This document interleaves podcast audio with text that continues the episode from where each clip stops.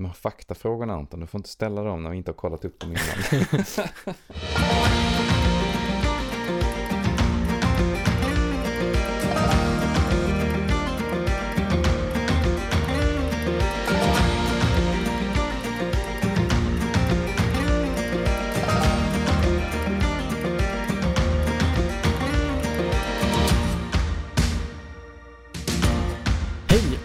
hjärtligt varmt välkomna till Fjällvandringspodden. Jag som pratar nu heter Anton Levin och med mig så har jag Lukas Wennerholm. Tillsammans är vi en podcast för dig som är intresserad av vandring, fjäll, vinterturer och kanske lite, lite klättring. Och i dagens avsnitt så tänkte jag att vi skulle fortsätta lite på temat om eh, vad vi har gjort under sommaren och alla äventyr som vi lyckades få plats med under semestern.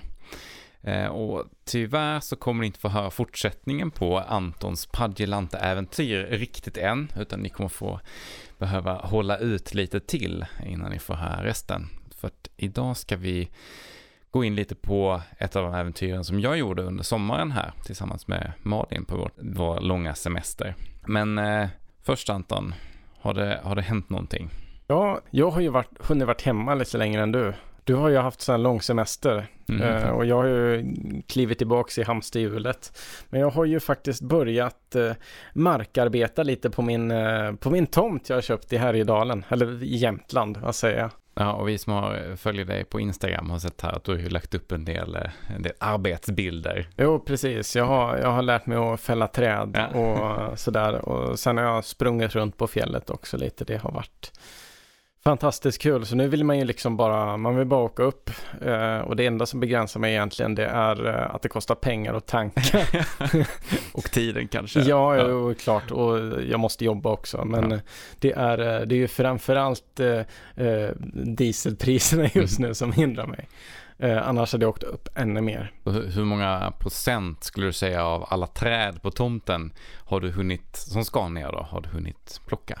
Ja, alltså det är ju det är ungefär 1800 kvadrat va? Och eh, eh, ungefär eh, hälften av marken kommer nog vi låta liksom, eh, träden stå på. Ja. Så att, eh, men låt säga att vi har tagit ner eh, 75% av det som behövs för att man ska Ja. bygga kanske. Någonstans så. Och sen så kanske man vill ta med gallra ur lite ytterligare för utsikt och sådär. Och sen så finns det ju alltid efterverkan av stormar. Ja, precis. Gamla fällda träd som ska Ja. bort. Ja. jo, precis. Hur, hur är det?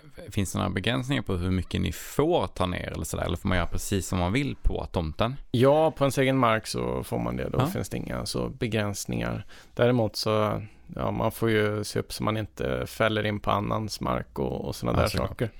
Eh, Jag vet inte riktigt hur det funkar med det heller. Om jag, om jag lyckas fälla in på någon annans mark. eh, För jag har ju inte motorsågskörkort och då får jag ju bara fälla på min egen mark. Men Mm. då är frågan, får jag röja undan det jag fällt in på någon annans mark? Det är frågan. Tänker jag, det är en sån här klassisk, eh, man får inte, om man inte frågar så behöver man inte veta. Nej, precis. Eh, Men framförallt så har Ja. jag tänkt försöka eh, låta bli det där. Mm. Eh, och det har gått eh, väldigt bra hittills, så jag tänkte fortsätta med det. Jag vill faktiskt eh, lyfta en, eh, en annan sak som har hänt i Jämtland och det är att vdn för Härjedalen Jämtland Turism var ute och ifrågasatte om naturen verkligen ska vara gratis för att det kostar så mycket pengar att underhålla lederna i Jämtland varje år. Ett, ett upprörande uttalande för oss som älskar allemansrätten. Jo, precis. Och jag gick ju liksom ig- igång direkt. Och så sen i efterhand så, hon har ju varit ute lite och så här sagt att ja, jag, jag tror inte att avgifter är liksom vägen framåt, vilket var liksom positivt. Men hon ville liksom ändå peka ut ett problem att ja, men de får eh, eh, de får alldeles för lite pengar till eh, ledunderhåll och de Ja. vet inte riktigt hur de ska finansiera det. Och så man får väl ändå hoppas att ja, men liksom, eh, politiker runt om i Sverige försöker slå sina kloka huvuden ihop och försöka hitta någon väg för att vara med och finansiera lederna så att Mm. allemansrätten kan funka. Man kan ju ändå förstå att det blir ett bekymmer när, när det finansieras av, av allmänna medel, men de som, de som är och vandrar där Ja. inte bor i kommunen. Man kan ändå att det kan bli lurigt. Eller Det var, det var, det var, ja, det var, Ja. det var någon som uh, skämtade om att så här, sätta, sätta upp uh, trängsel, eh, eh, tullar för alla stockholmare. Mm. Eh, trängselavgift, ja. Alltså, många länder i Europa, det känner man igen, har ju turistskatter på hotell till exempel. Ja. Jag satt med och tittade på antal hotellnätter per invånare och skulle man ha en liksom, turistskatt på det till exempel, hotellnätter, så skulle ju ja, men, eh, Jämtland, eh, Dalarna, ja men de är liksom Norrlands och, och Mellansverige-länen eller vad man ska kalla det, skulle ju få in väldigt mycket skattepengar per invånare. Eh, och det skulle liksom, det skulle ju framförallt vara på grund av turismen. Ja, alltså det finns ju olika sätt att göra det på, här på.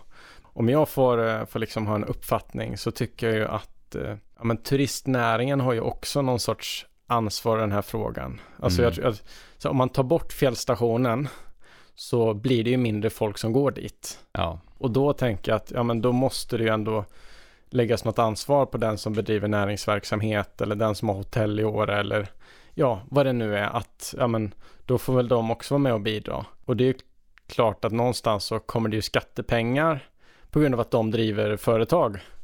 Problemet är att de skattepengarna de kom, åker ju liksom till statsbudgeten eller någon annan kommun för att de flesta som jobbar i de här verksamheterna är inte skrivna i Jämtland.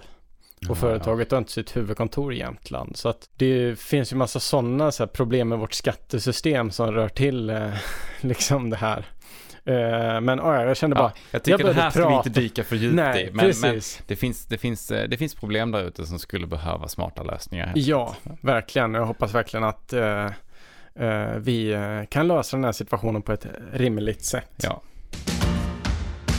Innan sommaren här så, så fick vi ju lite, lite sponsrade grejer från eh, Haglöfs som jag har passat på att använda ganska mycket och, och kanske även du va? Ja, verkligen, verkligen. Eh, och vi tänkte att vi skulle gå igenom lite vad vi, vad vi tycker om grejerna och framförallt kanske vilka grejer vi har eh, fått använda. Ja, Jag måste säga att det har varit en väldigt positiv upplevelse generellt av de här grejerna. Ja, verkligen. Och Ja. det, det, det är lite, det är kul att vi kan eh, pröva grejer från eh, svenska företag också. Ja, verkligen. eh, och lyfta lite speciellt i podden. Och det är ju då LIM-serien, eller LIM-serien Mm. från Haglöfs. Less is more lärde du mig att det stod för. Ja, jag vet inte om de marknadsför att det står för det längre, Nej. men jag, jag har fått för mig att det är Ja. därifrån det kommer i alla fall. Och eh, ja, men vi fick ju lite grejer där inför Ja. sommaren som du sa. Eh, vi fick ju ett par byxor, vi fick ett par skor, en hoodie och en eh, jacka. Jackan Precis. tänkte jag att vi sparar lite till framtiden. Ja, den vill vi testa lite till. Ja. Mm. Ja, och om man börjar med de här, de här byxorna som vi fick prova på så är det ett par Haglöfs då Lim Rugged Pants. Eh, och du har vandrat ganska mycket i Ja. dem? Ja, jag har inte, jag har använt dem men eh, kanske på lite annat sätt än vad du har Mm. gjort dem. Så om vi börjar med som huvudfokuset för podden här då. Hur Ja. är byxorna att vandra i? Jag hade dem ju med mig hela Padjelanta-leden. Ja. Det var ju så varmt där så jag hade behövt ett par kortbyxor egentligen. Men eh, de funkade uppkavlade också. Mm. Men jag tycker ju, alltså de är ju helt galet sköna. Ja. Alltså det är ju som ett par mysbyxor i funktionstyg liksom. Mm. Det finns ju en dragkedja på ena benet men annars är det öppna fickor. Och Ja. jag tycker att eh, jag har liksom inte lyckats tappa någonting ur de här öppna fickorna. Annars brukar jag in, ofta inte gilla öppna fickor faktiskt på aktivitetsbyxor utan jag brukar vilja ha dragkedjor. Men jag har faktiskt inte lyckats tappa någonting en enda gång. Nej, jag tycker också att de har lyckats bra med fickdesignen faktiskt. Den var riktigt bra. Uh, nej men liksom så här, ja men luftiga, eh, bra, bra stretchy tyg. Mm. Eh, och eh, nej men jag, verkligen en favorit på Ja. benen. Ja. Jag har ju haft dem med mig eh, till Alperna nu när vi har varit på våra äventyr och en av de sakerna jag kanske reagerat lite på är att de är ju som du säger, de är väldigt luftiga men de är också ganska tunna. Ja. Ehm, så jag har varit lite rädd för att ha dem på mig när jag varit på lite högre höjd för, för, att, vara rädd för, för att jag varit rädd för att frysa. Men däremot så som man säger så är de ju fantastiskt sköna, vilket gjort att jag använt dem ganska mycket i camp liksom. Mm. Så här, nere eh, på dagarna när man har liksom va- varit färdig med dagens äventyr och bara ska ta det lite lugnt så har jag haft dem på mig för att de är sköna. Men jag har också kommit på att de eh, är ju superbra att eh, klättra vanligt i Mm. eftersom de är så eh, de är så mjuka och följsamma. Eh, och sen har de också en liten mudd längst ner vid, eh, vid foten som liksom håller tätt. Mm. Vilket gör att de inte är i vägen för skor och sådär. Vilket Precis. är supernice. Och när jag jobbat i skog så liksom jag, man kan dra den här mudden över stövlar, man Mm. kan ja, men, utanpå kängor eller så om man liksom vill ha tätt på något sätt. Ah. Och det, ja, men när jag har kört med, med motorsåg, om jag inte drar eh, skorna över stövlarna, eller vad säger jag, byxorna över stövlarna, så får jag en massa sågspån i stöveln. jag har prövat det här eh, och det var inte så roligt. Eh, men då liksom de eh, tätar till bra Mm. när man eh, drar dem över så. Om man ska säga någonting som, som jag kanske inte gillar med dem då så är det väl att, ja men just att kanske att de var lite tunga, eh, tunna. Eh, så tycker jag kanske att namnet rugged här kanske inte riktigt passar. Det är ändå, det är ett ganska tunt tyg Ja. och börjar man skrapa dem mot sten och så här så tror jag de skulle ge med sig hyfsat fort liksom. Och det är ju inte så här rejäla byxor. Nej, Men verkligen det- inte. Men det är ändå så här, ja men det är ju byxorna, de, de är lagom för alla vandrare skulle jag säga i alla fall. För vandring, Ja. precis vad man behöver. Torka fort, vilket Ja. ju är trevligt när det Ja. är, eh, när man blir blöt sådär hela tiden. Ja. Ha, vidare till nästa. Ja, precis. Vi har ju prövat eh, Haglöfs eh, Lim ST Gore-Tex eh, skor. Mm. Det är en sko som är tänkt för vandring eller gå i skog eller så. Det är en låg sko så den Ja. slutar liksom vid, eh, vid vristen. Ja. Och jag har använt de här jättemycket hela Ja. sommaren till framförallt det man kallar för approach. Så att när man liksom tar sig till en, eh, när man, är mycket vandring till en stuga eller till en, eh, en plats där man påbörjar sin klättring då till Mm. exempel. Som vi har klättrat mycket. Och jag tycker de har varit superbra till det här. De är ju ganska rejäla. Så att de, Ja, precis. de tål liksom att man eh, eh, går i, i stenig terräng liksom där, där det är vassa stenar och man Mm. skrapar dem ganska mycket för att man ska trycka ner foten i något litet hål eller något eller sådär. Så att eh, det känns som att de har skyddat foten väl när man har varit på en ja, utsatt terräng då. Ja, tidigare så tyckte jag väl att det var en bra idé, men jag brukar, eller jag har börjat mer och mer tycka att eh, Gore-Tex i skor är en dålig idé. Men jag Mm. tycker de här skorna verkar ju ändå vara så rejält tilltagna så att det här membranet nog kommer i alla fall hålla en liten stund. För Ja. ofta så brukar det vara så att man, så har, du, har du skrapat dig mot en sten så börjar det läcka sen. För det, det är liksom, eh, skor är ju någonting som ofta när man rör sig i berg och så som eh, får liksom eh, wear spots, Mm. eller liksom slitagepunkter och då hjälper ju inte membranet så mycket sen. Men de här skorna verkligen känns ju väldigt liksom robusta. Ja. Och som, och som det är Gore-Tex de också lite vattentäta. Jag har gått ganska mycket i slushig snö Mm. eh, utan att bli blöt om fötterna. Och det har varit väldigt skönt. Malin har haft ett par eh, sletna löparskor så hon Ja. har blivit jätteblöt om fötterna när jag har varit torr om fötterna. så att, jag har varit väldigt nöjd. Ja.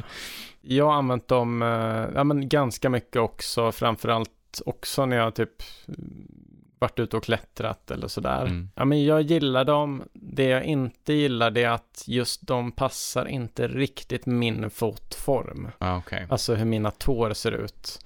Eh, jag kan inte ha en så, den, den är lite för spetsig för mig. Så att mina, mina tår blir lite ihopträngda. Men annars så tycker jag liksom den, eh, ja men ska jag inte ha på den liksom i åtta timmar så funkar det ju väldigt bra. Mm. Bara en kortare stund. Ja, jag har nog faktiskt inget, eh, inget negativt att säga riktigt om dem. Utan jag tycker de har funkat jättebra. Jag har till och med klättrat upp till eh, 4B i dem. Mm.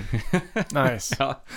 Ja men Mm. det är så här, det är inget negativt. All- Alla har ju olika fötter. Ja. Jag tror att de som försöker pådyvla oss att alla ska ha en typ av sko, det är, Nej, det går Jag tror inte det är sant, utan jag tror att alla har, ja men fötter ser olika ut från födseln och, och olika skor passar olika människor. Så Mm. är det bara. Det är ju inte den lättaste och mest slimmade skon där ute. Nej. Eh, och den kanske inte jag vet inte om den skulle passa sig så bra till exempel att vada i.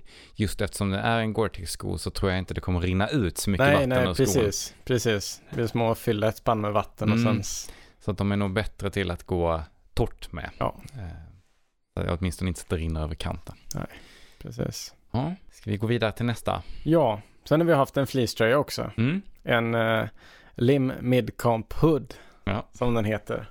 Ja, det är en fleecetröja. Ja, Eh, men det är sånt här tunt flismaterial. Ja. Så den, det är inte riktigt en mikroflis så som jag känner mikroflis i alla fall. Jag vet inte vad det kallas för. Det är väl för att den har lite struktur. Liksom. ja, Eh, precis. Eh, ingen aning faktiskt. Nej.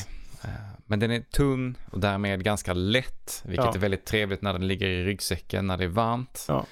Och den har en, en huva som man liksom kan sluta upp över, eller man kan liksom sippa upp dragkedjan hela vägen upp till hakan och Ja. så, så lämnar huvan bara som ett, som ett litet, eh, vad ska man kalla det för, cyklopöppning Ja. mitt i, ja. Men det känns ju som en, en väldigt bra lösning för en, en blåsig och regnig dag. ja. Liksom när det är lite kallare. Det är fantastiskt skönt när det är kallt. Ja, Det är så att man kan, man kan skippa buffen runt halsen Ja. och använda fleecetröjan istället. ja, Jag har använt den här tröjan i stort sett varje dag hela sommaren. ja. I, på hög höjd, på låg höjd, i camp, ja, allt klättrandes. Mm, den slits när man eh, klättrar off-width-sprickor med den. Ja.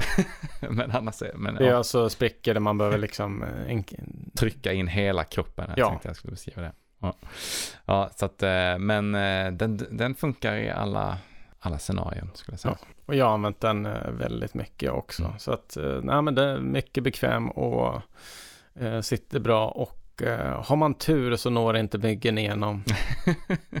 Nej, precis. Och eh, jackan den sparar vi till en annan gång. Ja, precis. Det kommer en mer detaljerad eh, beskrivning av deras skaljacka då som jag har provat på. Ja.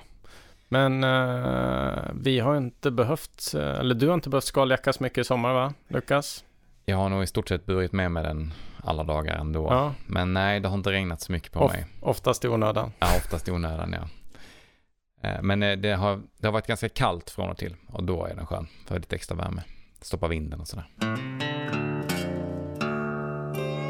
Men med det sagt så tänker jag att vi ska gå in på eh, dagens huvudtema. Eh, och det blir ett urklipp mitt i sommaren när jag och Malin är under vår resa. Och eh, vi besöker en, en bergstopp i Italien som heter Grand Paradiso. Eh, och trots att det här är på gränsen till, till klättring så skulle jag ändå säga att det är en topp som är värd att ta upp i den här vandringspodden, trots allt. Vi hade faktiskt som plan här att jag, Anton och Malin skulle göra det tillsammans när vi var, när vi möttes nere i Alperna. Men eh, tyvärr så eh, fick vi ganska, ganska dåligt väder precis när du var på besök. Eh, så det gick inte riktigt att eh, genomföra det. Vid ett senare tillfälle när jag och Malin var i, på den italienska sidan så såg vi att det dök upp ett litet väderfönster och vi hade klättrat ganska mycket vanlig eh, sten så vi var liksom lite trötta på det och också lite slitna och kände att nu vill vi, nu vill vi göra någonting annat. Och då återkom eh, tanken på att vi pratar om att göra Gran Paradiso eh, och det var också någonting vi har pratat om sedan tidigare att vi är intresserade av. Så då bestämde vi oss en dag för att vi skulle ge oss an det projektet. Det finns ju ändå något mentalt med att vilja upp på liksom över den där gränsen, upp på 4000 meter. Precis. Och Gran Paradiso då, lite kort fakta, det är alltså Italiens högsta topp. Den ligger eh, i, i alpområdena ganska nära Chamonix om man har en uppfattning om var det ligger. Eh, och det som gör det här, den här toppen lite speciell då är att det finns fler 4000 meters toppar som man säger ligger i Italien. Men den här, eh, men de topparna delas ofta med andra länder. Så den delas med Schweiz eller så delas de med Frankrike. Men Gran Paradiso ligger helt i Italien, vilket gör att den blir den högsta toppen i det landet. Och vi tycker ju såklart att det känns väldigt roligt att få ha varit uppe på den här toppen, så att eh, det känner vi för att besöka. Gran Paradiso har varit populärt länge. Det är en topp som bestegs första gången den 4 september år 1860. Eh, så att det är helt enkelt ett berg som har funnits med under lång tid och länge varit ett mål för många. Och under högsäsong så, skulle vi, så tror jag att det är flera hundra som är uppe på den här toppen varje dag. Eh, och det som gör, gör det så bra är att den ligger liksom lättillgängligt till. Så att man kan ta bilen ganska nära liksom basen på berget och sen finns det bra hytter och annat att utgå ifrån. Men trots att den är, eh, det anses vara en ganska lätt topp så ska man ju inte underskatta det. Den är ju 4000 meter hög och det innebär att man måste ta väldigt många höjdmeter för att komma hela vägen upp till toppen. Så man börjar i dalen som heter Valsa Varench och åker i stort sett så långt man kan med bilen upp i den här dalen till där vägen slutar. Och där finns det en, eh, ett campingområde, lite hus och en stor parkering som man kan ställa sig på. Och då hamnar man på höjden 1850 meter, så det är, man är rejält långt upp ändå. Och det vi gör är att vi startar ganska tidigt ner från dalen Eh, och tar bilen upp och vi börjar, vi är redo att ge oss iväg för att vandra den första etappen vid lunch ungefär. Och så som det är så brukar oftast den här eh, berget bestigas i en två dagars tur där man första dagen ger sig upp till en av hyttorna som finns i området. Eh, den ena heter Rifugio Vittorio Emanuel, den andra eller Rifugio Chabod. Jag tror det uttalas ungefär sådär. Och det är en, en ganska rejäl stigning. Man måste vandra 890 höjdmeter ungefär upp för att nå någon av de här två stugorna. Men det är det väl värt att göra för att när man kommer till dalen så, så ser man hur, hur bergssidorna liksom sträcker sig upp på båda sidor om dalen ganska brant. Men eh, det är fortfarande ganska grönskande terräng. Liksom. Så att den första delen av vandringen känns lite grann som som att vara hemma. Men när man börjar stiga uppåt så ser man sakta hur, hur miljön och landskapet förändras. Det går från att vara ganska mycket träd och, och buskigt till att övergå till en mer med den här högfjällsterrängen som vi känner vid hemma med lite mossigt och lite lägre gräs och sådär. För att till slut när man kommer hela vägen upp till hyttan blir det här ja, vi brukar kalla det för månlandskapet där man ser hur det är väldigt, väldigt stenigt och väldigt mm. kargt och kalt. Och när vi är här uppe, då är vädret i lite av en lite kallare period. Eh, det har ju varit pratats mycket om att det varit värmebölja i Europa i sommar.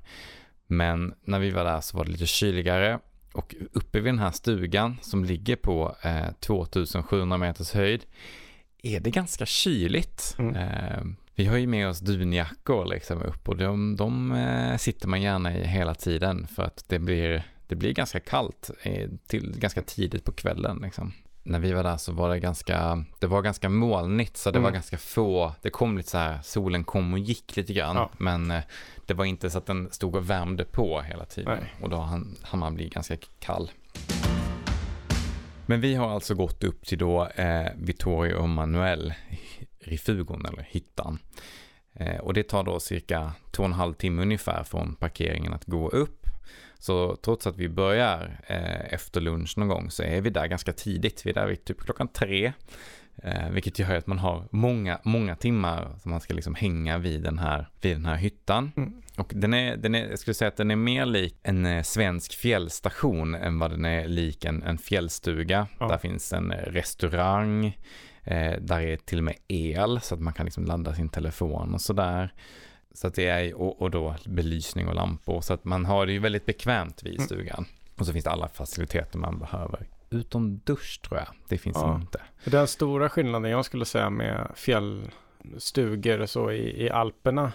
Det är ju tillgången till vatten. Mm. Att det liksom, ja, man dricker inte ur bäckar där utan man får köpa vatten på de här stationerna. Ja, Ja, du kan ju koka såklart. Men det, det är ju typ ingen som gör det, utan alla köper ju vatten. Ja, jag har funderat lite över det här och, och också tittat lite vid de här olika stugorna vi har varit vid. Och mm. Jag skulle säga att det är lite 50-50. Vid vissa stugor, de som ligger riktigt högt upp, nej, mm. där finns det inget vatten. Eh, men de som ligger på lite lägre höjd, det står ju inte uttryckligen att man kan dricka vattnet. Men det är ändå många som gör det. Så, ah, okay. så vi har ändå druckit ganska mycket vatten mm. ur, kranarna även vid stugorna.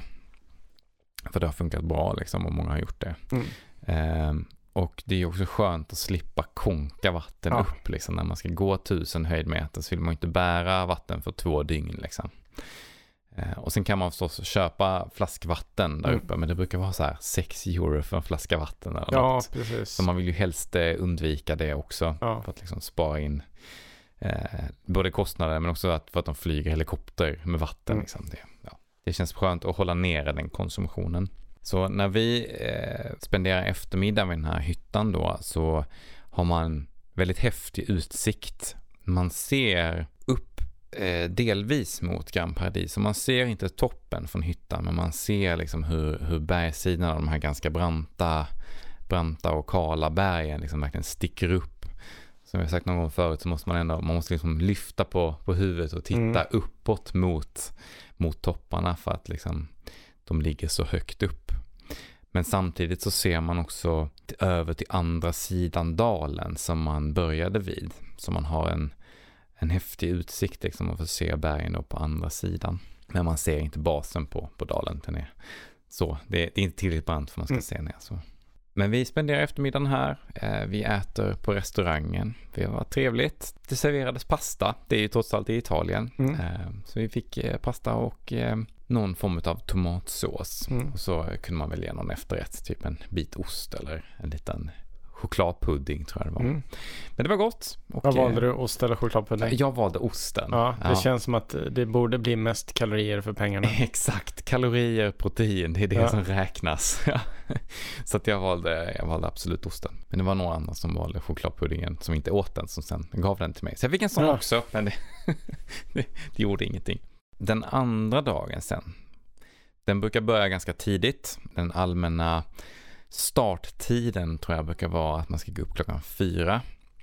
Så när man är vid den här hyttan så trots att man är där tidigt så vill man också försöka gå och lägga sig ganska tidigt för att ändå försöka få några timmars sömn när man ska göra en sån här supertidig start. En riktig Weiron i ottan-start. Jo!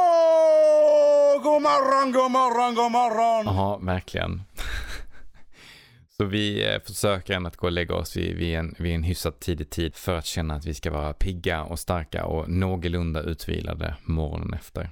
Så vid 04 eh, så, så ringer klockan och eftersom vi inte har sovit i huvudbyggnaden utan vi sover i en liten byggnad bredvid så får man liksom knata upp från sängen till eh, huvudbyggnaden där, där det serveras frukost. Och då är det en eh, ganska typisk så här alp alpstugefrukost. Det är lite bröd som de har ställt ut som dagen innan med eh, diverse olika sådana här små plastförpackningar Mm. med antingen då eh, Nutella eller någon form av marmelad typ. Ja, det fanns smör. Det fanns sådana eh, det fanns Ja. plastförpackningar Ja. med smör också. Ost? Ingen ost. Ah, okej. Så det var liksom det man kunde ha på dem. Och sen eh, fick man en liten, liten skål där man kunde välja om man skulle ha kaffe i skålen eller om man skulle ha flingor i skålen. Ja, precis. Men det är ändå trevligt att man eh, kan äta en serverad frukost. Man sparar ganska Ja. mycket tid på att inte behöva preppa själv. Ja, man blir ju sällan upprymd över de här eh, alpstugefrukostarna. Nej, jag, eh, man kan ju inte äta sig mätt riktigt Nej. på vitt bröd och marmelad. Det, det finns liksom inte Det, det, tillräckligt mycket. ja, det, är- det är ju insulinet spiker ju verkligen efter de här frukostarna. Inte en gedigen måltid med Nej. Ägg och bacon direkt. Men, eh, men det är Det- alltid något. Det, det är som att dricka en Red Bull till frukost ungefär.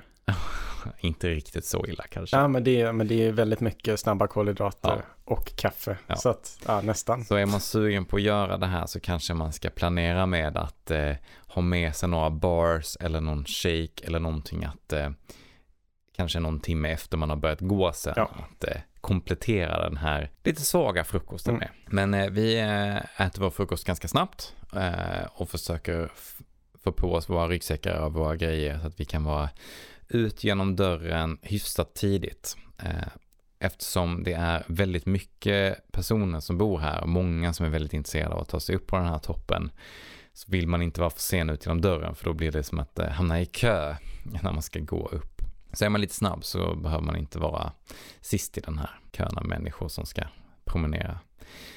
Och eftersom klockan är kanske halv fem när vi börjar gå efter frukosten så är det ju fortfarande mörkt. Så man har eh, pannlampa på sig och eh, ser ju inte jättemycket av vart man ska. Men vi har kikat lite på hur terrängen ser ut dagen innan och man börjar med att gå över som ett stenfält som är ganska platt. Men det tar ganska fort slut och eh, då blir det genast brant så då får man börja gå uppåt. Men eftersom det är en så pass populär led så är stigen ganska bred och den är ganska välvandrad. Som det, är ganska, så det är lätt att se vart man ska ta vägen någonstans. Och det som händer när alla är ute och går med pannlampor på det här viset är att det bildas som ett pärlband av eh, lyktsken som man ser hela vägen från stugan att eh, det går som ett tätt band med pannlampesken eh, uppe bakom en och även upp framför en då för att vi var inte heller först. Så vi vandrar upp för den här första lilla kullen och då hamnar man i en, en dal som har varit en gång, jag är ganska säker på, en glaciär för den har den här typiska slipade stenen som bildas av en glaciärfåra. Och på vänster sida så är det en morän som är en grushög egentligen som, som formas av glaciärer och på höger sida så ser man hur en sluttning går upp mot Gran Paradiso-berget. Det bara känns lite mer stämningsfullt att säga morän än grushög. Exakt. ja. moräner, ja det låter ju väldigt häftigt men de är ju oftast ganska bedrövliga att gå på för ja. det är väldigt, väldigt löst. Mm. Eh, framförallt på sidan om den där de lutar. Det är som stenvälling. Mm, precis, som också är lite förrädisk ja. och kan rasa ner. Men här kan man göra en, eh, ett vägval. Om man går till vänster och klättrar upp på moränen så har det tillkommit en relativt ny väg upp på det här berget som går via en via Ferrata, eh, alltså en stålvajer som är, som är bultad in i berget. Och det påminner väldigt mycket om hur det ser ut på eh, på Kebnekaise om man går östra leden. Även det är en via Ferrata. Eller så kan man välja att gå från den här lilla dalen det som är då den eh, normala vägen upp på toppen där man knatar upp längs eh, en platå egentligen som, som en gång har varit glaciär. Så att man följer liksom hel, där glaciären har varit upp mot toppen. Men vi har inte riktigt koll på eh, att det finns en ny väg så vi, vi tänker att vi följer bara med, vi följer stigen dit den, går. Och då hamnade vi på Via Ferrata-vägen mm. och vi hade ingen aning om att det fanns en Via Ferrata här. Men det var roligt, så vi, vi, eh, vi går ju då upp till vänster, upp på mm. moränen. Och man får väldigt häftig utsikt däröver, för då ser man liksom man har samma utsikt som man hade från hyttan eh, ut över andra sidan. Men man ser också alla klättrarna nere i dalen och hur de har då separerat på sig. Så man ser som ett, som ett i som bildas med att man går åt olika håll då. Och vi inser bara, hmm, det där var en annan väg upp. Spännande, undrar vart de är på väg. Men vi kommer fram eh, efter en liten stund till där den här via Ferratan börjar. Och som jag nämnde tidigare så är det ju, man har kommit upp på ganska hög höjd och det är ganska kyligt. Och vi hade inte med oss några så här supertjocka vantar utan vi hade med oss ett par ganska, ganska tunna vantar. Och när man börjar klättra längs den här stålvajern som är täckt i eh, tunna lager av så här is. Aha. För att det har blåst liksom snö och is så att den har liksom frusit längs vägen. Så blir man rätt kall om fingrarna. Så eh, vi tror att hade man gjort det här en dag med, som var lite varmare mm. så hade det nog varit jätteroligt att klättra längs den här eh, ganska enkla ändå via Ferratan. Men när vi gör det så är det jättekallt och eh, man fryser om fingrarna och vi var mest sugna på att komma förbi. Mm.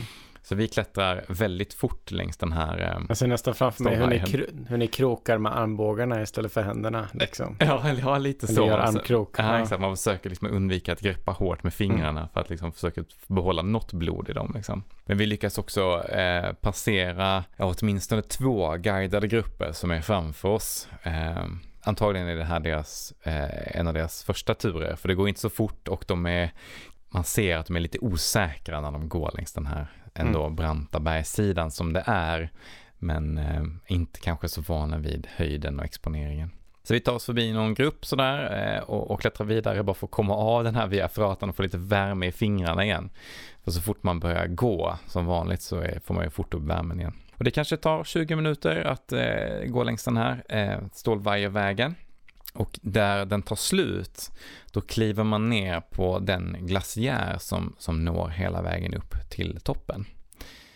Och det är en, eh, en ganska snäll väg upp härifrån. Det är glaciär, men den är väldigt jämn.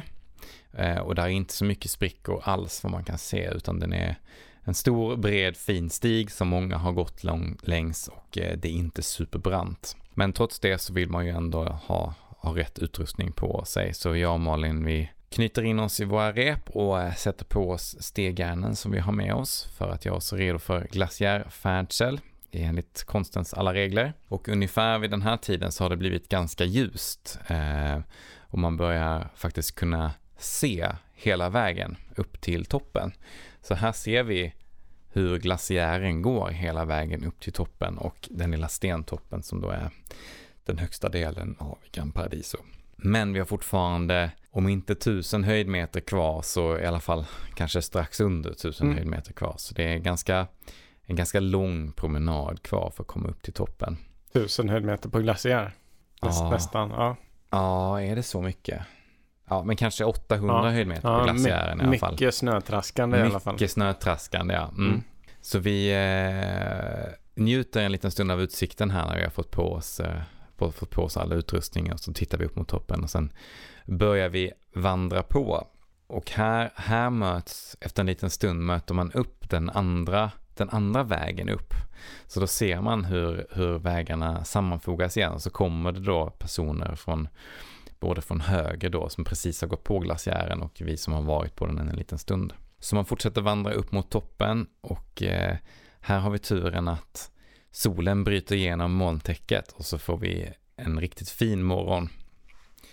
Men trots det är det fortfarande kallt, det är fortfarande minusgrader mm. så man försöker att hålla ett ganska bra tempo på väg upp mot toppen. När man kommer upp så man har gjort sin majoriteten av stigningen på, på snön så eh, ser man klart och tydligt hur den faktiska toppen dyker upp. Jag tror det är 60 meter hög eh, sten, stenområde som har ganska lustig form. Den, det, det är som små, små torn. Eh, det ser ut lite som så här platta stenar som ligger staplade på varandra mm. i, i flera olika små torn liksom, som är utspridda över den här stentoppen.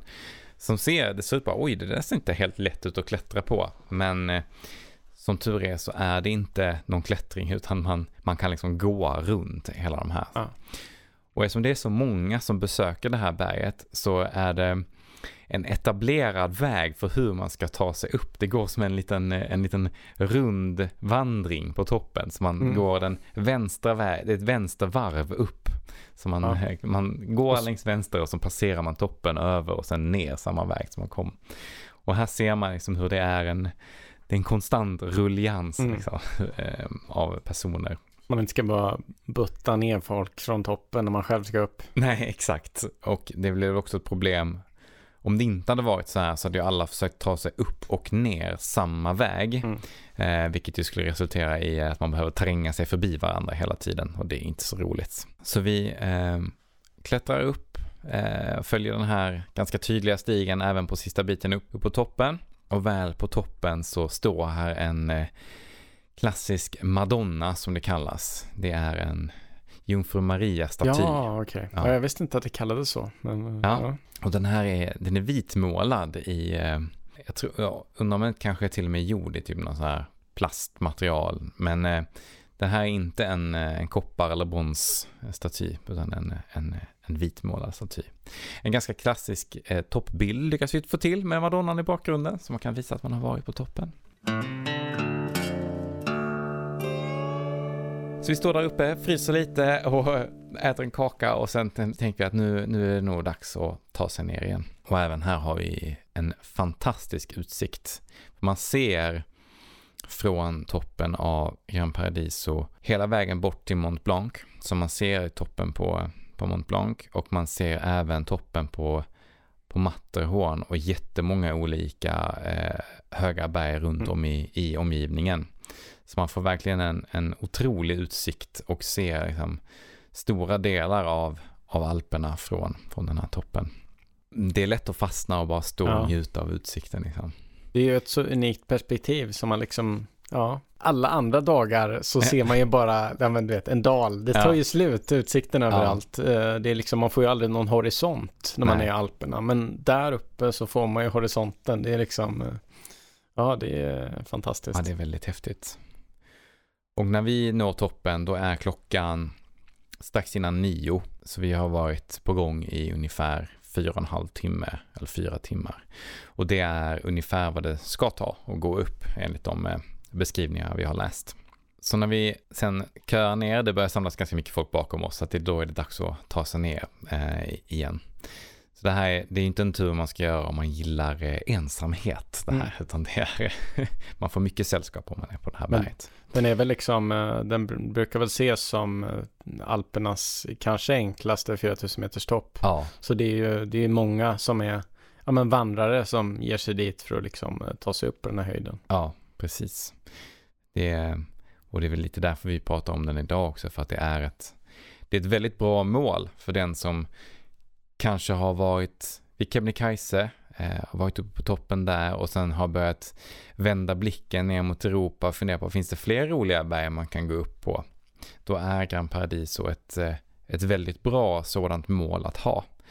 Även om man kanske behöver utveckla sin, eh, sin kompetens något, lära sig att gå på glaciär och kanske inköp, införskaffa någon utrustning. Men det är trots det ett, ett lätt mål att eh, sikta mot. Mm. När vi börjar röra oss ner från toppen och har njutit färdigt av eh, utsikten så har jag ett eh, litet hemligt mål med mig. Det finns nämligen en till topp uppe vid den här eh, vid toppområdet eh, som också är över 4000 meter som heter Il Rock.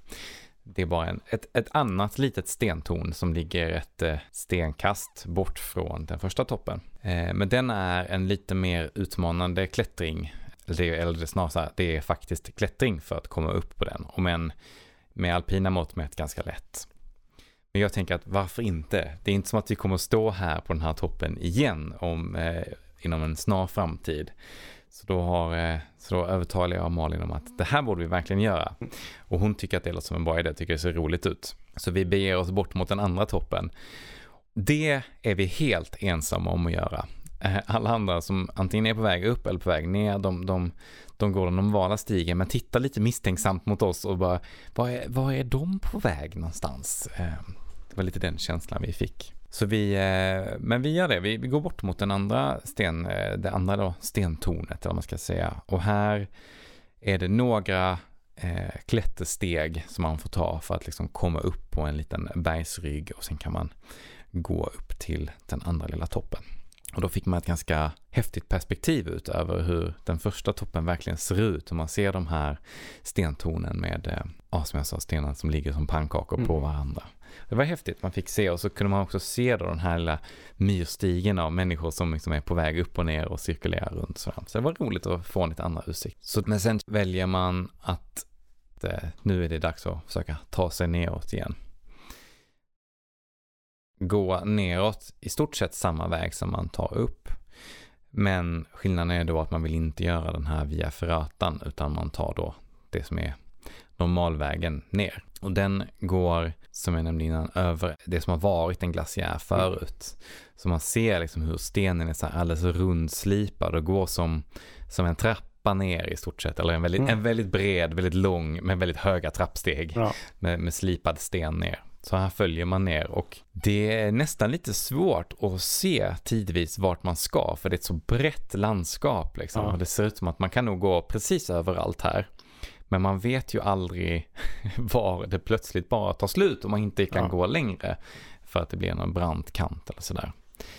Men eh, som tur är så har det byggts ett och annat röse runt omkring. Men det är inte ändå överdrivet många, utan det är precis så många rösen att man är, jaha, vart ska vi gå nu? Och så går man lite till så, ah, så ser man någonting på lite avstånd. Så vi navigerar oss ner här, eh, tillbaka till den här lilla dalen som eh, går mellan moränen och eh, bergssidan. Och knatar tillbaka ner till stugan. Och den totala tiden som vi eh, har varit ute då är typ 7 timmar och 40 minuter eller något sånt där. Och så har vi tagit 1400 höjdmeter upp och ner. Så man är lite trött. Så då är det perfekt att sätta sig på verandan vid stugan och köpa en kopp kaffe och eh, njuta lite av utsikten och att man har gjort, haft en härlig dag. Jag trodde du skulle säga liksom knäcka en kall. Jag tror faktiskt inte vi drack någon öl den här Nej, gången. nej. Det är ju då eh, en liten promenad kv- kvar. Man måste ju Mm. fortfarande ta sig de här sista 900 höjdmeterna ner till där bilen står. För man vill Ja. inte spendera två nätter i stugan. Utan vi, eh, vi dricker en kopp kaffe, tar av oss skorna och låter fötterna vila lite. Och sen, eh, och nu har vi då som tur var fått lite sol. Så här kan man faktiskt värma sig lite och känna hur, hur man blir rejält varm igen. Mm. Och det var väldigt skönt. Innan vi börjar gå tillbaka ner mot bilen igen. Och det är den turen upp på Gran Paradiso. Det är verkligen en, eh, en tur jag, jag kan rekommendera att göra eh, om man gillar att vandra och kanske framförallt om man gillar att göra små toppturer och så här. Men man måste kanske antingen gå en guidad tur med en guidebyrå eller så kan man lära sig hur man går över glaciär. För det är egentligen det enda utmanande Mm. som man behöver göra är ju då att eh, gå på glaciären, vilket man bör göra med, med rep och sele, stegjärn och isyxa. Ja. Men det är inte en tekniskt utmanande utan det är ganska lätt. Och väldigt roligt såklart också. Precis. Och så det är bra att veta då att om man vill gå via, via Ferratan att man har med sig Utrustning för det. utrustning för det Precis. också. Ja. Det är liksom, om, om ni tittar på kartan och så ser ni, ja men här är ett stup mitt på leden, ja då, då, är, det nog in, då är det nog inte vandringsvägen utan Nej, precis. eh, och eh, ja, då ska man ha med sig sådana här via ferrata klätterslingor om Mm. man ska gå längs den och göra det på rätt sätt. Men hur jobbigt eh, är det att göra en sån här eh, bestigning? Det var ju ändå 1400 höjdmeter upp och ner och sen ner till bilen också. Det är ju, det är ju helt klart en rejält utmanande dag. Man bör väl ha åtminstone ganska hög, vad ska man säga, grund, grundträningsnivå för att Mm. orka med det liksom. Men om man kan gå upp och ner västra leden till Kebnekaise och det känns bra Mm. och att, om det inte känns som en, en skräckupplevelse Mm. av höjdmeter, då skulle jag säga att man, att man klarar det. Sen är ju bara frågan då hur, hur jobbigt slash hur roligt det är att göra. Ja, precis som vid Kebnekaise. På de här platserna så ser man också folk av liksom alla form och färg så att säga. Ja. Liksom, eh, med olika typer av fysiska förutsättningar och alla klarar det i princip. Ja. Vi mötte en guide som eh, hade med sig en, eh, en klient upp när, vi- när vi var på väg ner då. Mm. Och det var det långsammaste par jag någonsin sett. Mm. Hon såg ut att ha det ganska kämpigt. Mm. Eh, för det man kanske inte tänker på som skiljer den här, det här mot Kebnekaise är att man är på så hög höjd. Mm. Vilket gör att andningen kan bli lite tung för att Mm. luften är lite tunnare. Och är man då inte van vid att vara på den höjden, eller snarare om man inte är akklimatiserad och varit på lite högre höjd i dagarna innan man, man ger sig på det här, så kan det vara en ganska tuff upplevelse för Mm. kroppen. Och det kan ju slå på så vis att det är super, super jobbigt att eh, Ja. gå uppåt. Speciellt om man slänger på lite eh, ansträngningsastma på det. Så, Ja, exakt. Eh, så att eh, vi undrar om, om de tog sig upp på toppen. För att eh, då hade vi varit, eftersom vi gjorde två toppar så var vi inte supersnabba då från toppen ner. Utan vi hade spenderat lite extra tid där uppe, en timme eller så. Och de hade fortfarande inte tagit sig upp för, eh, ja, de hade långt kvar för att komma till toppen. Och det gick långsamt. Men guiden, han såg, han såg nöjd ut. Han gick, Ja. han gick där i lugnt, lugn och ro med sin klient som Ja. såg eh, halvt döende ut.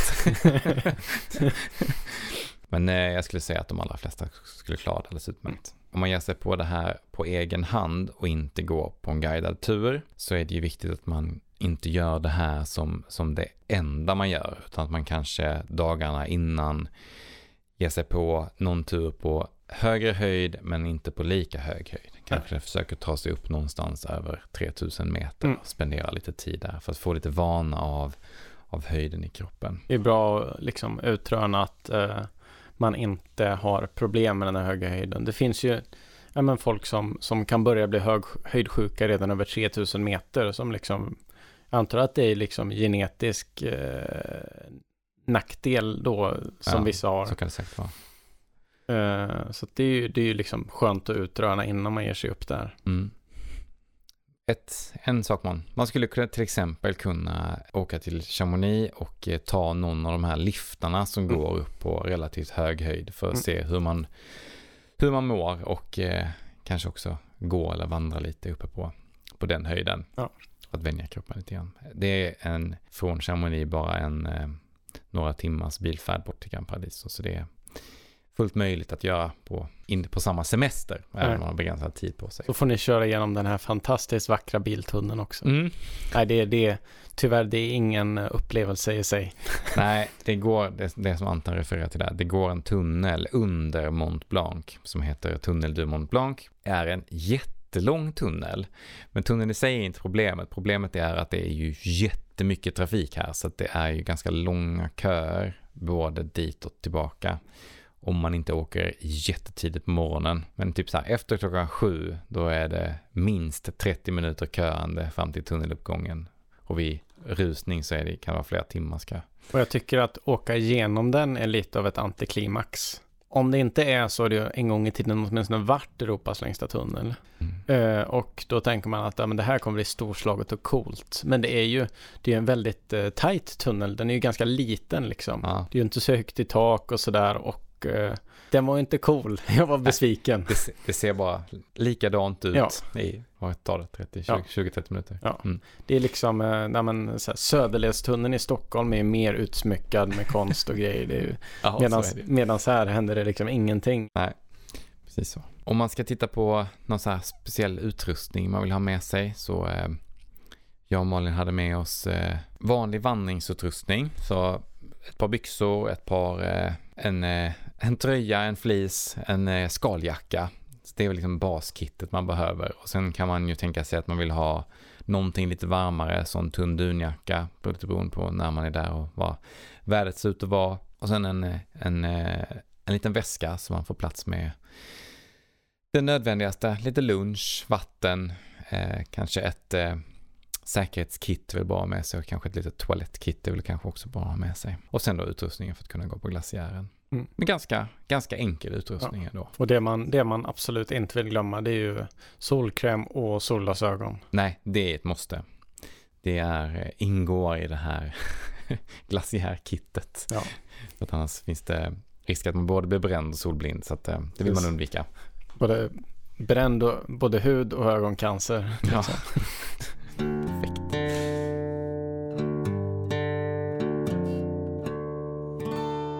Och med det så eh, knyter vi ihop den här säcken och eh, veckans avsnitt börjar rulla mot sitt slut. Har ni specifika ämnen ni vill att vi tar upp i framtida avsnitt eller ställa frågor till oss, hör av dig till oss via vår Instagram, at fjällvandringspodden. Och glöm inte heller att prenumerera på oss i ditt flöde. Vi som gör den här podden heter Anton Levin och Lukas Wennerholm. och om du uppskattar det vi gör, sprid gärna ordet så vi kan fortsätta prata om vandring från våra vardagsrum. Och glöm inte att redan nu planera in din nästa tältnatt. Tack för den här gången. Vi ses om två veckor.